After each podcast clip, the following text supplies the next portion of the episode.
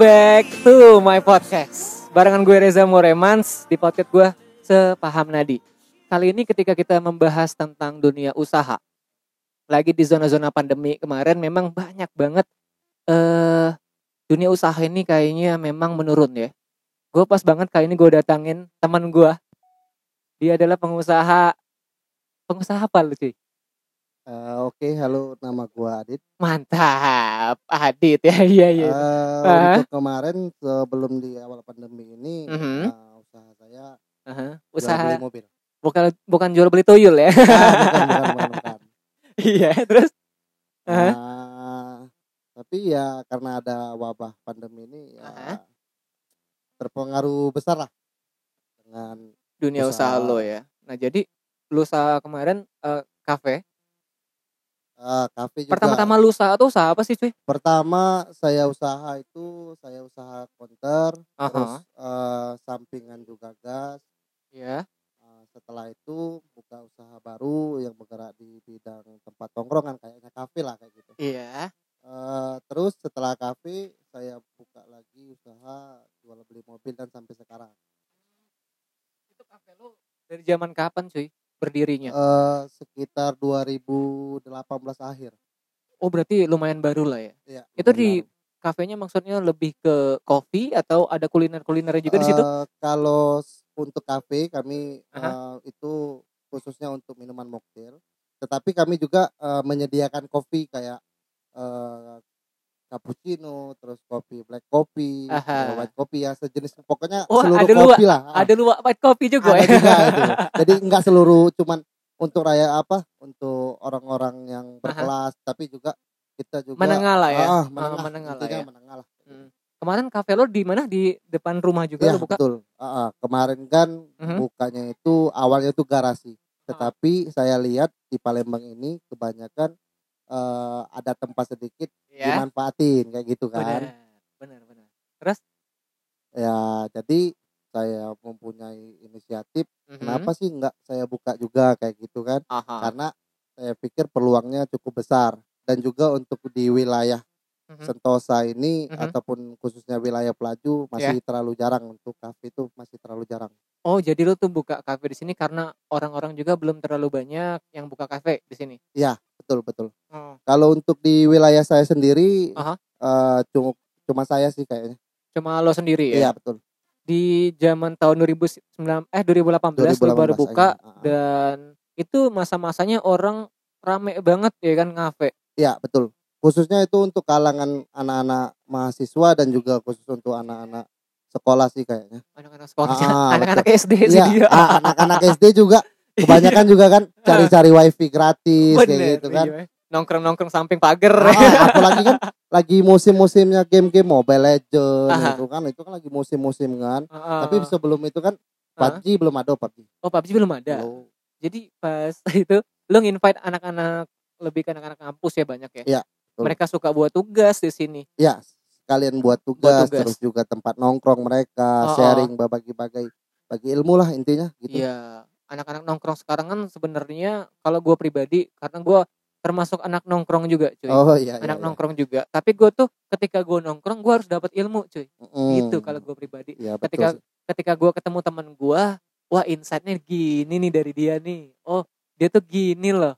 Oh dia tuh kayaknya ada ilmunya di sini. Yaudah kita kolaborasi bareng. Iya, Kayak betul betul. eh, lu lah, lu di usaha kafe 2018 Ya, dan betul. setelah itu ada usaha gas tadi yang lu bilang itu kapan mulainya? Kalau gas itu saya mulai sekitar tahun 2014 pertengahan lah.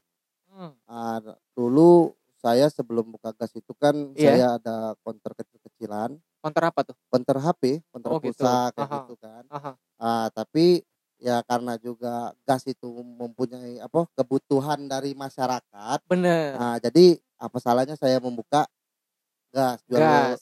beli tabung ataupun Iya. tukar tukar kan Hmm. gitu kan.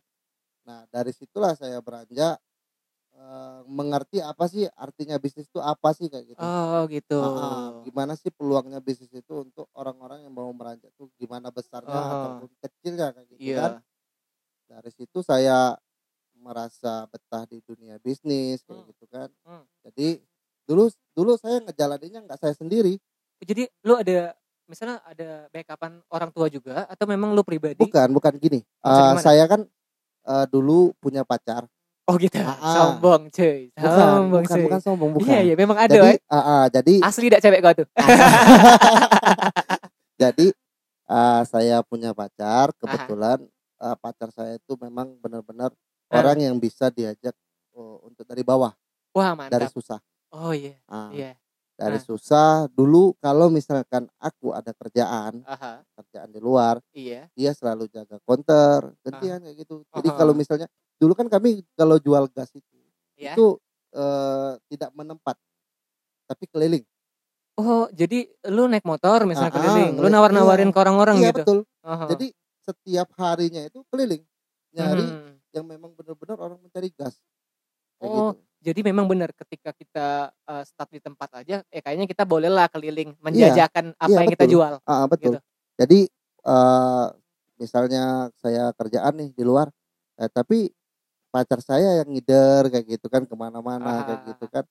Eh, alhamdulillah dari awal saya ngebuka usaha Mhm. sampai sekarang kami masih berdua Mantap. Dia bertahan untuk lo banget ya. ya betul Iya. maka eh, sampai saat ini juga Mhm. eh, gua juga masalah usaha di bidang usaha juga Ya. masalah apalagi kan ini lagi heboh-heboh wabah pandemi, Iya, Ah, gitu kan pandemi. Heeh. Eh, jadi gini sih hmm, kebanyakan juga Aha. pengusaha ini kebanyakan tutup ataupun collab Oh gitu. kan Aha. Ah, karena gini loh eh dengan adanya wabah ini Iya, eh, seluruh kegiatan kita terbatas kayak gitu kan benar. Uh, bagian juga orang-orang yang kerja di rumah kan kayak gitu kan Iya. apalagi kami Aha. kami ini mengharapkan uh, uang dari konsumen kami Benar. kalau misalkan kayak aku sekarang aku jual beli mobil Mhm. nah, tapi apakah ada orang yang mau beli mobil untuk pas saat pandemi ini ada nggak Wah, kayaknya kalau kita ngomongin soal lu usaha mobil, cuy. Orang sekarang ini mindset gue pribadi. Orang mikirin makan dulu, cuy. Iya betul. Pertama, karena ya benar benar. orang mikirin makan terus kalau untuk ya kendaraan terkadang kita pun kalau eh, nyicil kendaraan itu masih lumayan nunggak lah di pandemi iya betul. Susah banget sih betul. Di gua aja ngerasa bahwa ketika gua punya kendaraan gue juga nyicil. Iya betul. Itu berasa banget cuy gila. Bukan gua pribadi lu juga ngerasa ya kan? Gua kerja ya untung lah gua nggak di inilah iya nggak di rumah kan gua. Terus gimana cerita lo lagi tadi? Ah, jadi uh, saya mengambil kesimpulan aha daripada uang saya dijadikan barang benar apalagi kan saya posisi sekarang saya lagi mempunyai anak kecil nih baru umur tujuh bulan iya Nah, aha daripada saya membeli barang ataupun daripada saya harus Mhm. uh, beli ini ataupun Iya. mengambil mobil kayak gitu kan lebih Aha. baik kan aku gunain untuk makan kayak gitu Iya, kan dari untuk untuk kebutuhan sehari-hari apalagi punya anak kecil wah Iya. mungkin lumayan banyak sih kebutuhannya untuk anak kecil kan iya dan uh, untuk saat ini juga Mhm. sampai sekarang detik hari ini juga kayaknya uh, membahas soal dunia bisnis ini juga saya rasa terlalu banyak juga Eh. orang-orang itu apa uh, merasakan memang dirinya itu memang benar-benar collab gitu Hmm. karena apa Uh, gini loh berapa bulan corona iya berapa bulan corona itu Aha. dari awal bulan corona itu aja pengusaha udah banyak collab apalagi ini udah berapa bulan corona udah hampir empat bulan cuy ya hampir bulan empat bulan ya Iya. nah sekarang ini Mhm. yang kita bilang Mhm. new normal misalkan New new normal Iya. dengan adanya kita disuruh berdampingan dengan corona Corona. gitu kan Iya. nah kalau misalnya masalah itu dibahas lagi masalah new normal Ya. sekarang ini yang saya mau bahas gimana modal-modal yang orang sudah tutup Mhm. gimana kira-kira nggak Wah, mungkin kan Iya. ah jadi yang sekarang jadi bahan pembahasan saya Aha. karena memang saya juga termasuk pengusaha yang mempunyai keluh kesah lah Iya. nggak semuanya kok pengusaha itu memang benar-benar eh, asik Aha. terus nggak ada keluh kesah itu bohong sebenarnya Iya. karena kan memang yang namanya usaha ini kita Mhm. nggak diatur waktu nggak diatur orang ini kan kita semua kan yang ngatur Kita yang konsepin semua. ya betul betul Ketika kita usaha sendiri, kita tuh udah siap untuk jatuh terlebih dahulu. ya betul Pertama itu. Pertama itu. Gue juga eh, ada temen gue juga. Mm-mm. Kemarin dia sempet usaha kafe juga, Hmm. ada lebih ke barber. Dia Iya. cerita sama gua ketika masa-masa pandemi itu zaman-zaman yang eh, kritis banget Heeh. buat cari duit. Iya.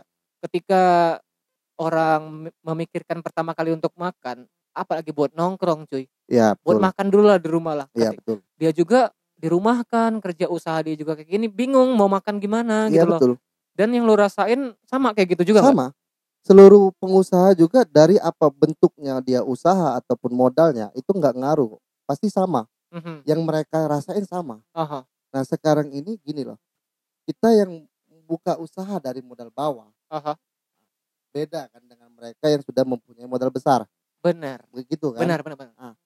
Ya jadi intinya gini loh, Aha. semua usaha itu itu sama, nggak ada bedanya. Cuman beda kan eh, yang bikin beda itu Aha. ialah eh, apa yang dia buka Mhm. itu kan beda, Bener. gitu kan? Apa yang Dan- dijual? Ah, ah, apa yang dijual, jual, apa dia jual kayak gitu kan? Itu kan pasti beda dengan kita. Tapi seluruhnya balik-baliknya sama. Karena nggak Ah. semuanya tuh eh, gini ya. Mhm. Saya contoh ini misalnya. Saya tadi saya bilang bahwa memang saya eh, dari konten Mhm. meranjak ke meranjak ke atas kayak Mhm. gitu kan. Aha. Tapi ya balik-balik juga kitanya Aha. siap jatuh atau enggak. Benar. Sekecil-kecil modal juga bisa jatuh loh. Iya. Gitu Kita ya. kita nggak usah jauh-jauh cuy. Eh, orang yang usaha jualan keliling aja, contohnya kayak jual gorengan cuy, Iya, betul. nggak usah ke kafe, Ah, ah. jual gorengan aja susah cuy. Iya, betul. Zaman-zaman pandemi kayak gini kadang Betul. ya orang mikirin buat makan di rumah. Iya, betul. Kalaupun yang dijual tuh kita harus lihat juga, dulu juga misalnya untuk lauk nih, contoh Iya. gorengan kayak bawang, gak lain-lain ya cukup lah betul. untuk makan lah. Nah tapi kalau ke kafe itu dampaknya sangat parah. Iya.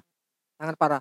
Nah yang gua mau tanyain sama lo, gimana cara lu bertahan ketika masa-masa pandemi ini?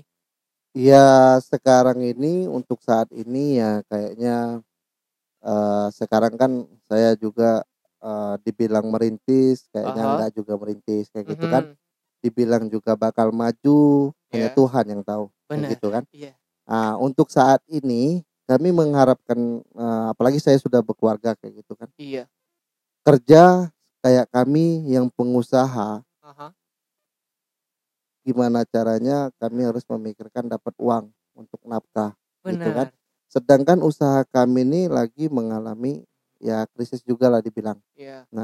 Gil- eh, ketika kami mau kerja Aha. perusahaan mana yang mau menerima kami Iya, yang ada perusahaan tuh banyak ngekat cuy. nah Yang ada Gitu. dikurangin iya karyawan-karyawannya. betul betul ya jadi eh, balik-balik juga dengan pertanyaan bang Reza Iya.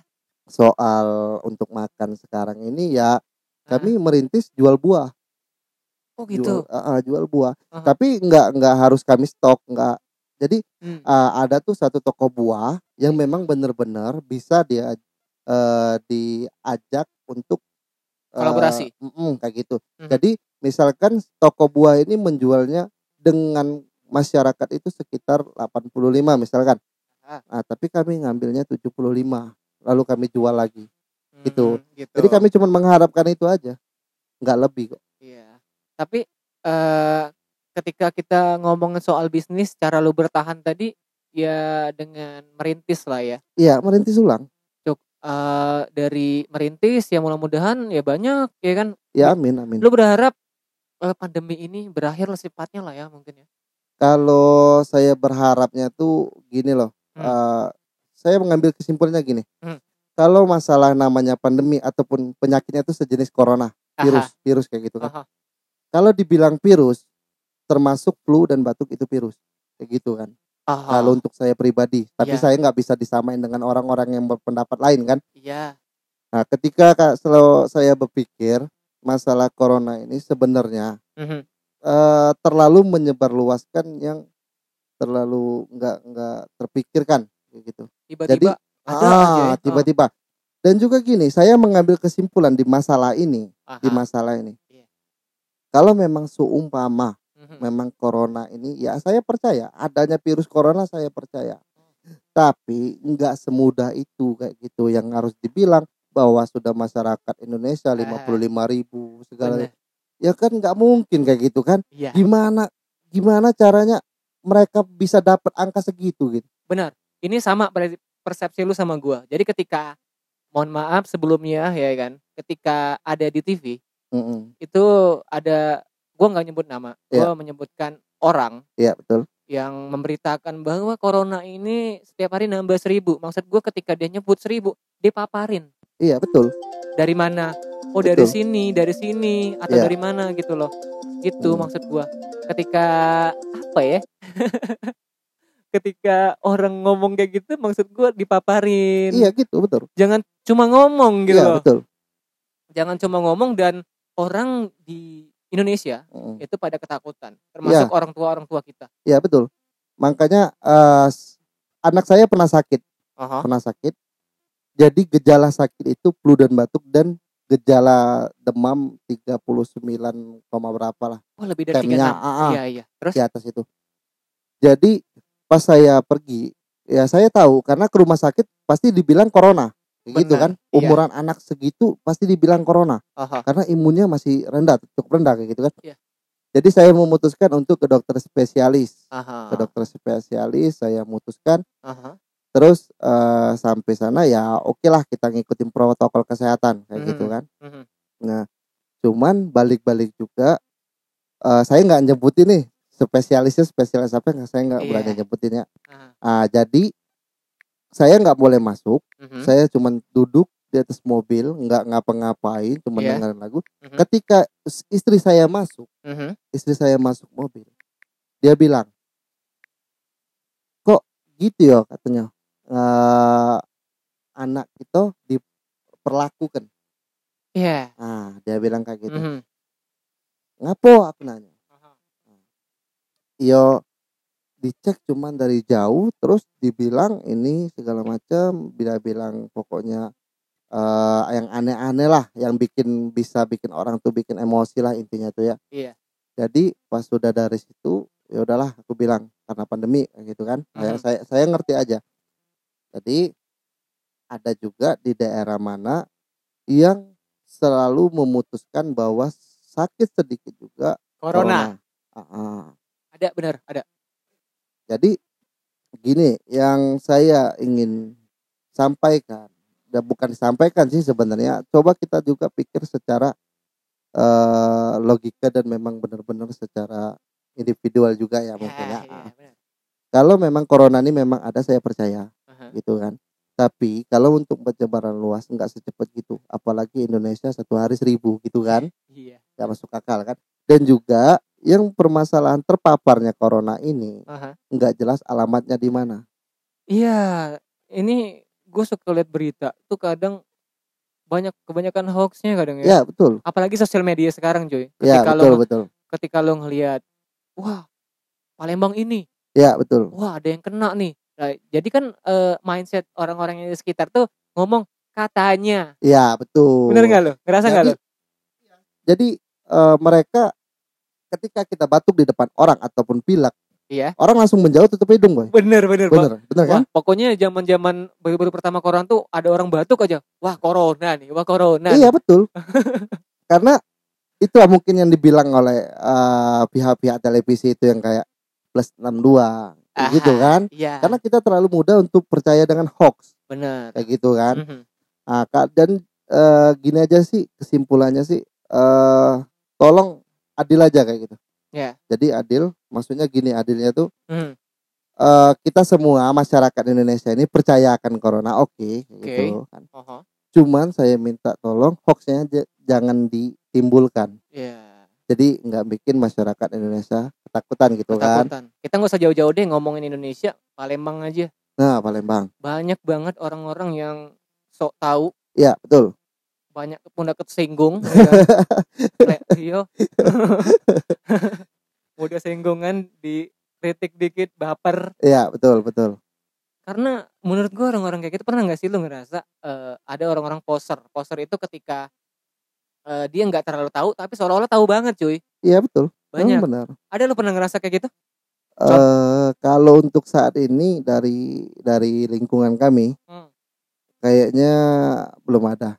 Belum ada Ah, cuman saya sering nonton nonton televisi itu saya sering. Iya. Ah, jadi saya nih kegiatan saya Aha, malam Ah. cuma ngeliatin berita, aha. ngeliatin seluruh macam yang kadang ada apa eh berita soal corona kenaikan corona gitu kan Aha.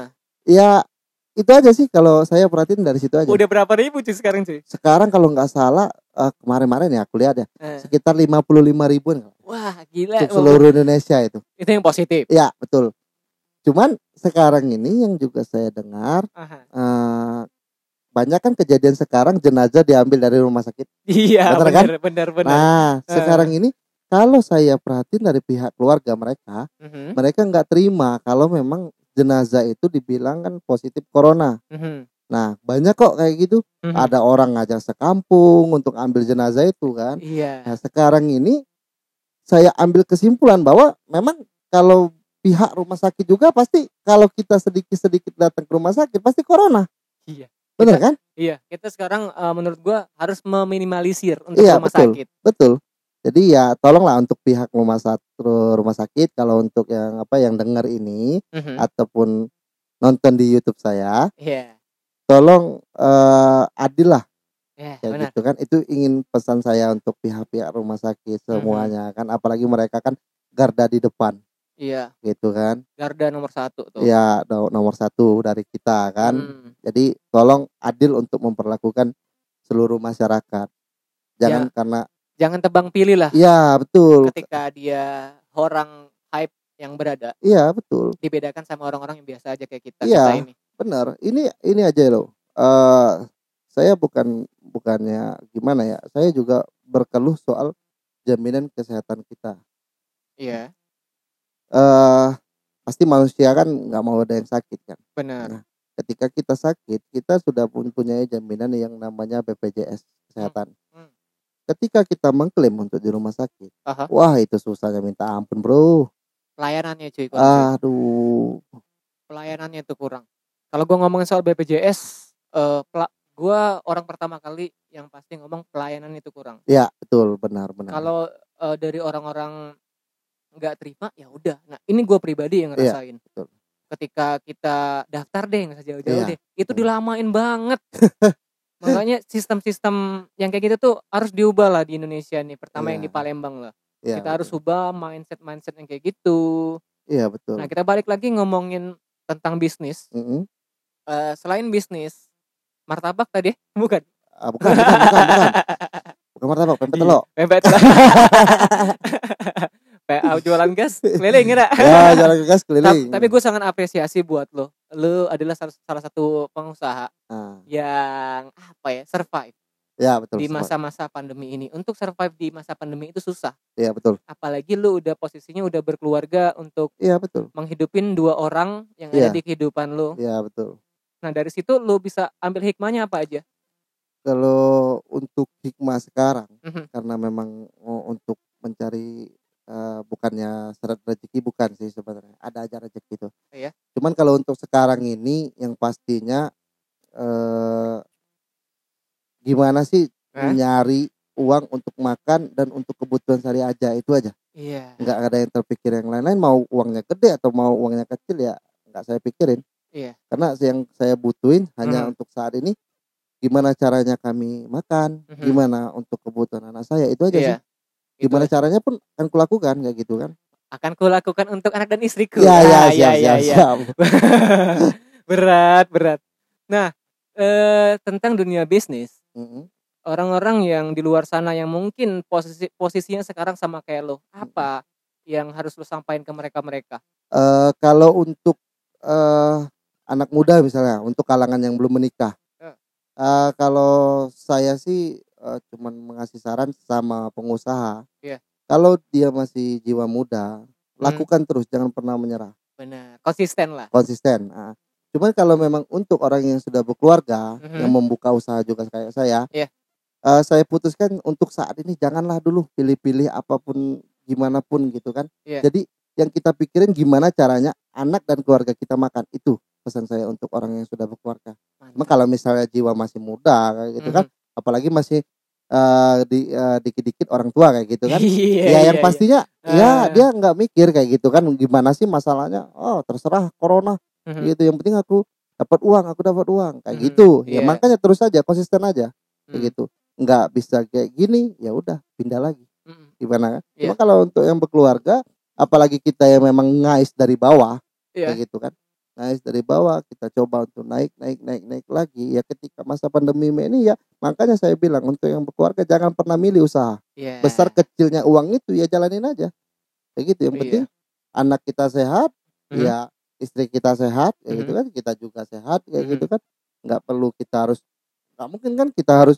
ngomong ataupun mau cerita dengan tetangga ay aku nih lagi miskin apa Iya, peduli mereka gitu kan bener. Nggak ada peduli kayak gitu Nggak ada kan peduli. Terkadang orang tuh cuman pengen tahu aja kita tuh gimana. Yang Iya. dia nggak bakal bisa bantu lah. iya betul Kecuali Iya. keluarga tersendiri. ya betul Keluarga tuh nggak bakal tegang dan kita susah. Iya, tapi balik-baliknya juga di kita. Mhm. Apakah kita selaku anak Mhm.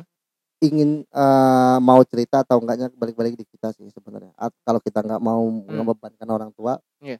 Ada kalanya kita kan ada istri di rumah. Iya. Apa salah kita berkeluh kesah dengan istri dulu? Mhm. Kalau nggak ada solusi, Mhm. ya mungkin baru lari ke orang tua sih. Itu sih kalau Iya. saya. itu pesan lo ya nah di gue bahas eh, pandemi udah empat bulan di sekarang kan udah masa-masa new normal Ya betul. itu udah ada perubahan Kalau dampak untuk sekarang, saya rasa belum ada. Belum ada masih lah ya orang Ya. tuh masih kayak takut-takut ya gitu betul. Yang saya lihat perubahan sekarang sih, iya kebanyakan orang bermotor berubah jadi sepeda. oh iya hype di sepeda Iya betul. iya Nah, gue ngelihat ini orang apa karena ikut-ikutan tren atau mau cari sehat cuy nggak tahu sih. Nggak Lu tahu. sepedaan juga Kalau saya nggak sih. enggak ini teman satu kita nih sepedaan Ah, kayaknya teman yang satu. Kayak eh, nyari yang- cewek doang ah, dia. Mungkin mencari sensasi ter- terus juga kayak-kayaan dia kan kayak gitu iya kan. iya Cuman kalau saya perhatiin sekarang ini banyak kan atlet mendadak gitu kan. iya Nah, dibilang sehat tapi keluar Mhm. kayak gitu kan. Dibilang juga nggak sehat, iya kita yang kena marah orang. Jadi ya cukup diam dan terima kasih aja lah. Iya, mantap lah. Eh, thank you Oke buat oke. banyak ceritanya lo Oke dari oke, dunia oke, bisnis. Oke oke oke. Nanti kita bakal podcastan lagi ya Dit Ya ya. oke oke oke oke. Pesan-pesan lo buat eh, para pengusaha juga udah banyak banget tadi lu sharing tentang pandemi tuh kayak gini. Iya Lu betul. sharing dari usaha yang kecil dulu Iya betul. dan untuk bertahan hidup di masa-masa pandemi ini keren buat lo. Iya. Gue sangat eh, mengapresiasi sekali orang-orang yang survive kayak lo Dit. Ya terima kasih terima kasih. Eh, thank you. Oke oke. Sekali lagi kita bakal ketemu lagi Dit, di episode gue selanjutnya di podcast gue Oke. sepaham Nadi. Make more time.